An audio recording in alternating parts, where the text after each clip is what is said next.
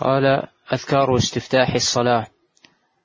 عن أبي هريرة رضي الله عنه قال كان رسول الله صلى الله عليه وسلم إذا كبر في الصلاة سكت هنية قبل أن يقرأ. فقلت يا رسول الله بأبي أنت وأمي أرأيت سكوتك بين التكبير بين التكبير والقراءة ما تقول؟ قال أقول اللهم باعد بيني وبين خطاياي كما باعدت بين المشرق والمغرب. اللهم نقني من خطاياي كما ينقى الثوب الأبيض من الدنس. اللهم اغسلني من خطاياي بالماء والثلج بالثلج والماء والبرد. أذكار استفتاح الصلاة.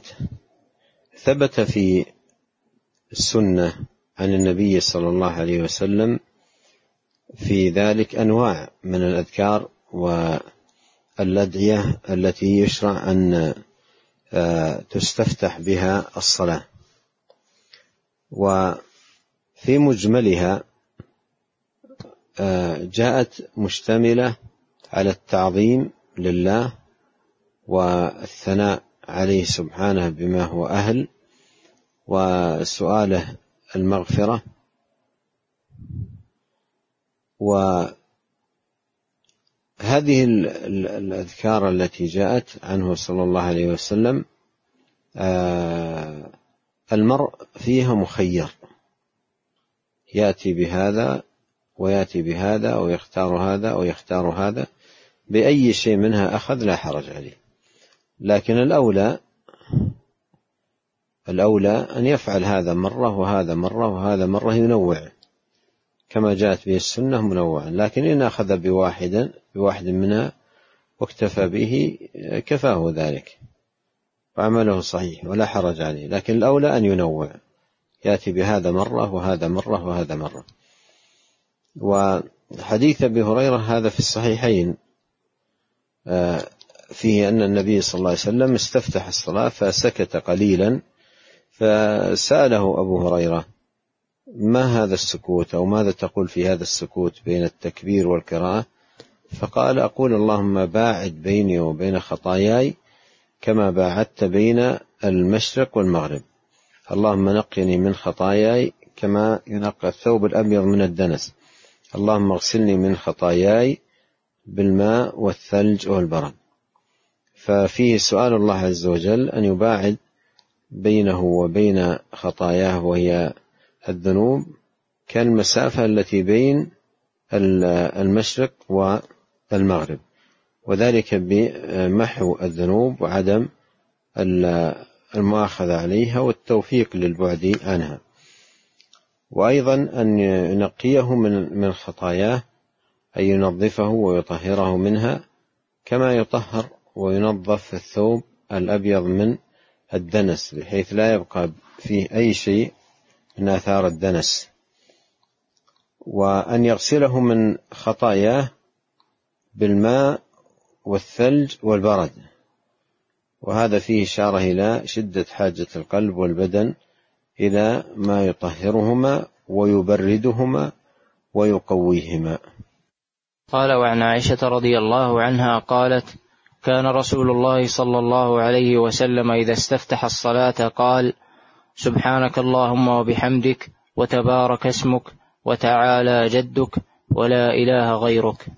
هذا من الاستفتاحات العظيمة ال ال الواردة في الصلاة أن تقول في استفتاحك سبحانك اللهم وبحمدك وتبارك اسمك وتعالى جدك ولا إله غيرك. وهذا الاستثناء أخلص للثناء على الله. وتنزيهه سبحانه وتعالى عن كل ما لا يليق به عز وجل. ومعنى تعالى جدك أي ارتفع ارتفعت عظمتك وجلت مثله ما جاء في الآية الكريمة وأنه تعالى جد ربنا ما اتخذ صاحبة ولا ولدا أي تعالت عظمته وتقدست أسماؤه من أن يكون له صاحبة أو ولد. وقوله لا إله غيرك أي لا معبود بحق سواك. أي لا معبود بحق سواك. الحاصل أن هذا من الاستفتاحات العظيمة التي آه، يشرع للمسلم أن يأتي بها بين يدي صلاته.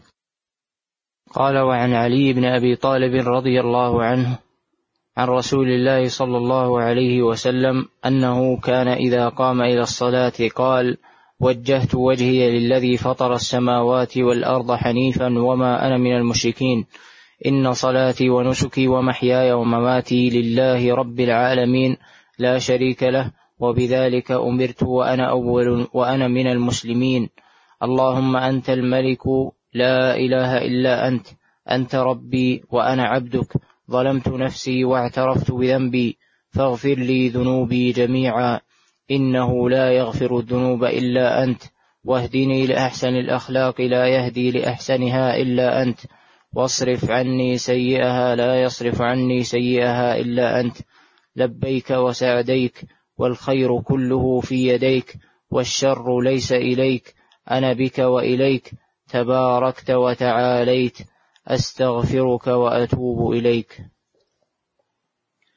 هذا أيضا من الاستفتاحات الماثورة عن نبينا عليه الصلاة والسلام مما يستحب للمسلم أن يفتتح به صلاته حديث علي رضي الله عنه أن النبي صلى الله عليه وسلم قال آه،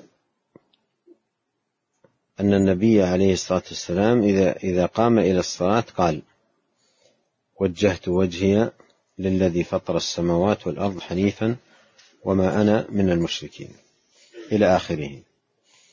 قوله وجهت وجهي للذي فطر السماوات والأرض أي أخلصت هذا فيه الإخلاص. وصدق التوجه إلى الله بإفراده وحده سبحانه وتعالى بالعبادة.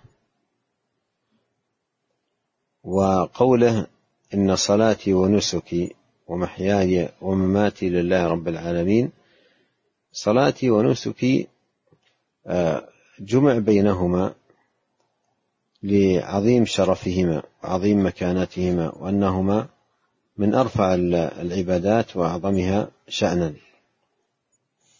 الصلاة عبادة بدنية والذبح عبادة مالية. الصلاة أفضل العبادة البدنية والذبح أفضل العبادة المالية. وقوله محياي ومماتي ومحياي ومماتي لله رب العالمين. أي ما آتيه في حياتي وما أموت عليه. من الإيمان العمل الصالح هذا كله لله سبحانه وتعالى.